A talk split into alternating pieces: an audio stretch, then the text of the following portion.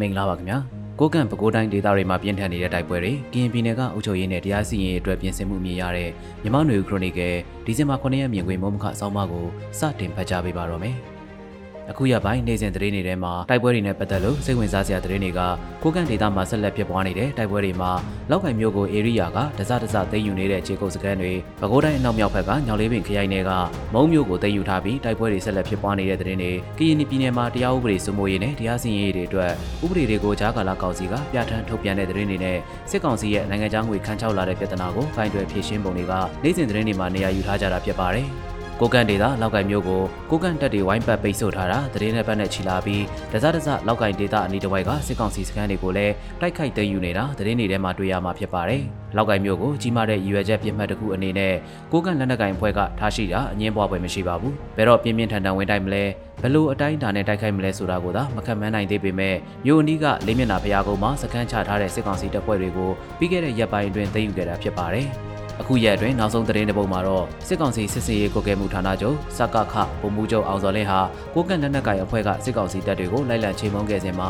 တိတ်ဆုံးခဲ့တယ်လို့ထုတ်ပြန်လိုက်တာဖြစ်ပါတယ်။အခုလိုစကခမှုအဆင့်ရှိတဲ့ဗိုလ်မှူးချုပ်ရာထူးရှိသူကိုတိုက်ပွဲထဲကြာဆုံးရတဲ့အနေအထားဖြစ်လာပြီးစစ်ကောင်စီဘက်ကစစ်ရေးအရာဘယ်လောက်ထိပြိုပြဲဖြစ်နေတယ်လဲဆိုတာကိုထင်ဟပ်ပြသနေတဲ့သဘောလည်းဖြစ်ပါတယ်။ဒီမတိုင်ခင်မုံကိုဘက်မှာဖြစ်ပွားတဲ့တိုက်ပွဲတစ်ခုအတွင်းမှာ drop bomb လက်ချက်နဲ့ဗိုလ်မှူးချုပ်အဆင့်ရှိသူတို့လည်းတိတ်ဆုံးခဲ့ပူပြီးဒလဝင်းကျင်အတွင်းနောက်ထပ်ဗိုလ်မှူးချုပ်အဆင့်ရှိသူတို့တိတ်ဆုံးတာဖြစ်ပါတယ်။ရှမ်းပြည်နယ်မြောက်ပိုင်းမှာမြောက်ပိုင်းညီနောင်သုံးဘွဲနဲ့စစ်ကောင်စီတပ်တွေကြားဖြစ်ပွားနေတဲ့တိုက်ပွဲတွေမှာစစ်ကောင်စီအနေနဲ့ခန်းစစ်နဲ့စုပ်ခွာခြင်းစစ်တုံးမှန်ဖြစ်ဖမ်းခံရခြင်းအများအပြားတိတ်ဆုံးခြင်းစခန်းတွေလက်လွတ်ဆုံးရှုံးရခြင်းတွေနဲ့ပြန်လည်စူးစီးပြီးတပ်မြန်ထိုးစစ်ဆင်ဖို့အခွင့်အသာဖြစ်နေတဲ့သဘောလည်းဖြစ်ပါတယ်။မန္တလေးပြည်ဦးလင်ဘက်ကတက်လာတဲ့စစ်ကောင်စီရဲ့စစ်ကူရင်တန်းကတီဘောမြို့နာအထိရောက်ရာကြောင်မဲအထိနောက်ပြန်ဆုတ်သွားခဲ့တာဖြစ်ပါတယ်။တစ်တုံညာနှစ်ခွန်စစ်စင်ရေးစတင်ပြီးဒလကျော်ကြာလာတဲ့အချိန်မှာစစ်ကောင်စီအနေနဲ့ကြီးကြီးမားမားအင်အားသုံးတံမြန်ထိုးစစ်ဆင်မှုထက်ခံစစ်အနေထားနဲ့နေရာများပြားဆွန့်လွတ်ဆုတ်ခွာလိုက်ရတဲ့အခြေအနေဖြစ်နေတာတွေ့ရပါတယ်။တစ်ဖက်ကမြောက်ပိုင်းညီနောင်မဟာမိတ်သုံးဘက်အနေနဲ့၎င်းတို့ရည်မှန်းထားတဲ့ရည်မှန်းချက်80ရာခိုင်နှုန်းလောက်ထိရရှိပြီးလို့ခန့်မှန်းနိုင်ပြီး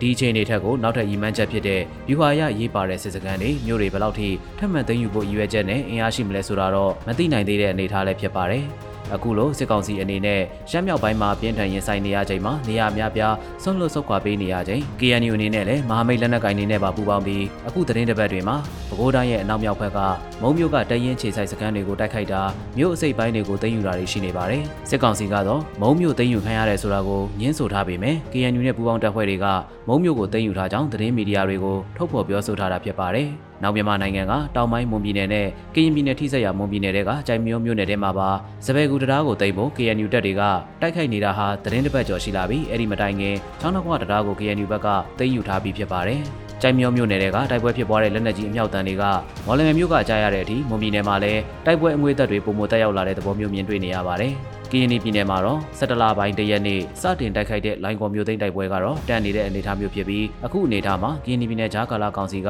တရားဥပဒေစိုးမိုးရေးနဲ့သက်ဆိုင်တဲ့ရဲလုပ်ငန်းနဲ့သက်ဆိုင်တဲ့ဥပဒေတရားစီရင်ဆိုင်ရာဥပဒေတွေကိုထုတ်ပြန်လိုက်တာဖြစ်ပါတယ်။ပြည်နယ်တစ်ခုလုံးနေပါစစ်ပေးရှောင်နေကြတဲ့အနေအထားစစ်ရှောင်စခန်းတွေမှာနေထိုင်ကြရတဲ့အနေအထားမှာအုပ်ချုပ်ရေးရန်တရားကအခြေတီဖို့မလွယ်ကူသေးဘူးလို့မှန်းဆနိုင်ပေမဲ့အခုလိုစစ်ကောင်စီအုပ်ချုပ်ရေးအသက်မဝင်တော့တဲ့အနေအထားကရင်ပြည်နယ်ကကာကွယ်ရေးတပ်ဖွဲ့တွေနဲ့ KNPP ကလလတ KN ပြည်သက်ပါတီစတဲ့လက်နက်ကိုင်ဖွဲ့တွေရဲ့အောက်မှာရှိနေတဲ့နယ်မြေတွေကြေးရွာတွေစစ်ဆောင်စခန်းတွေမှာဖြစ်ပွားလာတဲ့တရားဥပဒေစိုးမိုးရေးဆိုင်ရာတွေကိုအခုပြဋ္ဌာန်းလိုက်တဲ့ဥပဒေနဲ့အညီစီရင်လှုပ်ဆောင်မယ်လို့ယူဆရတာဖြစ်ပါတယ်။ လက်တလောမှာစေဘေးရှောင်ကူညီရေးကအဓိကအကြီးမားဆုံးတာဝန်တစ်ဖွဲ့ဖြစ်နေပြီးဒီတာဝန်ကိုဒေသခံတွေကအုပ်ချုပ်ရေးနဲ့လက်နက်ကိုင်ဖွဲ့စည်းတွေကတာဝန်ယူထားကြတဲ့သဘောလည်းဖြစ်ပါတယ်။စေဘေးရှောင်တွေထဲမှာရခိုင်ကတောင်သူလယ်သမားများကျေးလက်မြို့ရွာငယ်များကပြည်သူအများအပြားအိုးအိမ်ဆုံးခွာနေရတာအပြင်စစ်ရှိန်မြင့်လာတဲ့နောက်မှာတော့ရှမ်းပြည်နယ်ကချင်ပြည်နယ်ချင်းပြည်နယ်ကရင်ပြည်နယ်ရခိုင်ပြည်နယ်နဲ့ထိစပ်နယ်မြေတွေမှာအလုတ်သွားလုပ်ကြတဲ့အလုတ်သမားတွေမိသားစုတွေကိုယ်တိုင်ထွက်ပြေးတိမ်းရှောင်ရတဲ့အရေးအတွက်တိုးပွားလေတာဖြစ်ပါတယ်။လေယာတောင်သူလုပ်ငန်းဒေသခံစီးပွားကူးသန်းကုန်ထုတ်လုပ်တွေထိခိုက်နစ်နာလာတာတွေရက်ဆိုင်လာတာတွေကိုလည်းတော်လိုင်းအင်အားစုတွေက